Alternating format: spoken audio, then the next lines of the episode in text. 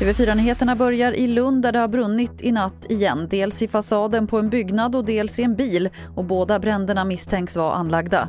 Sen årsskiftet har det varit fler än 50 anlagda bränder i Lund och polisen kollar nu om det finns samband.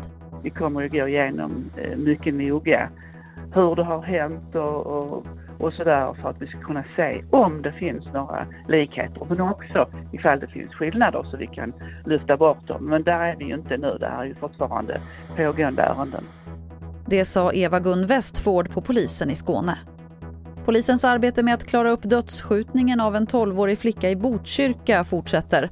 Nu på morgonen finns inga uppgifter om några gripanden. Samtidigt vill polisen förtydliga att den vita bil som förknippats med skjutningen är en kombibil och inte en skåpbil. Om man vet något om bilen ska man höra av sig till polisen. Och vi avslutar i USA där det tropiska ovädret Isaias verkar tillta och vindarna är uppe i orkanstyrka enligt landets väderorgan. Ovädret närmar sig delstaterna North och South Carolina på östkusten och alla som befinner sig där uppmanas att förbereda sig.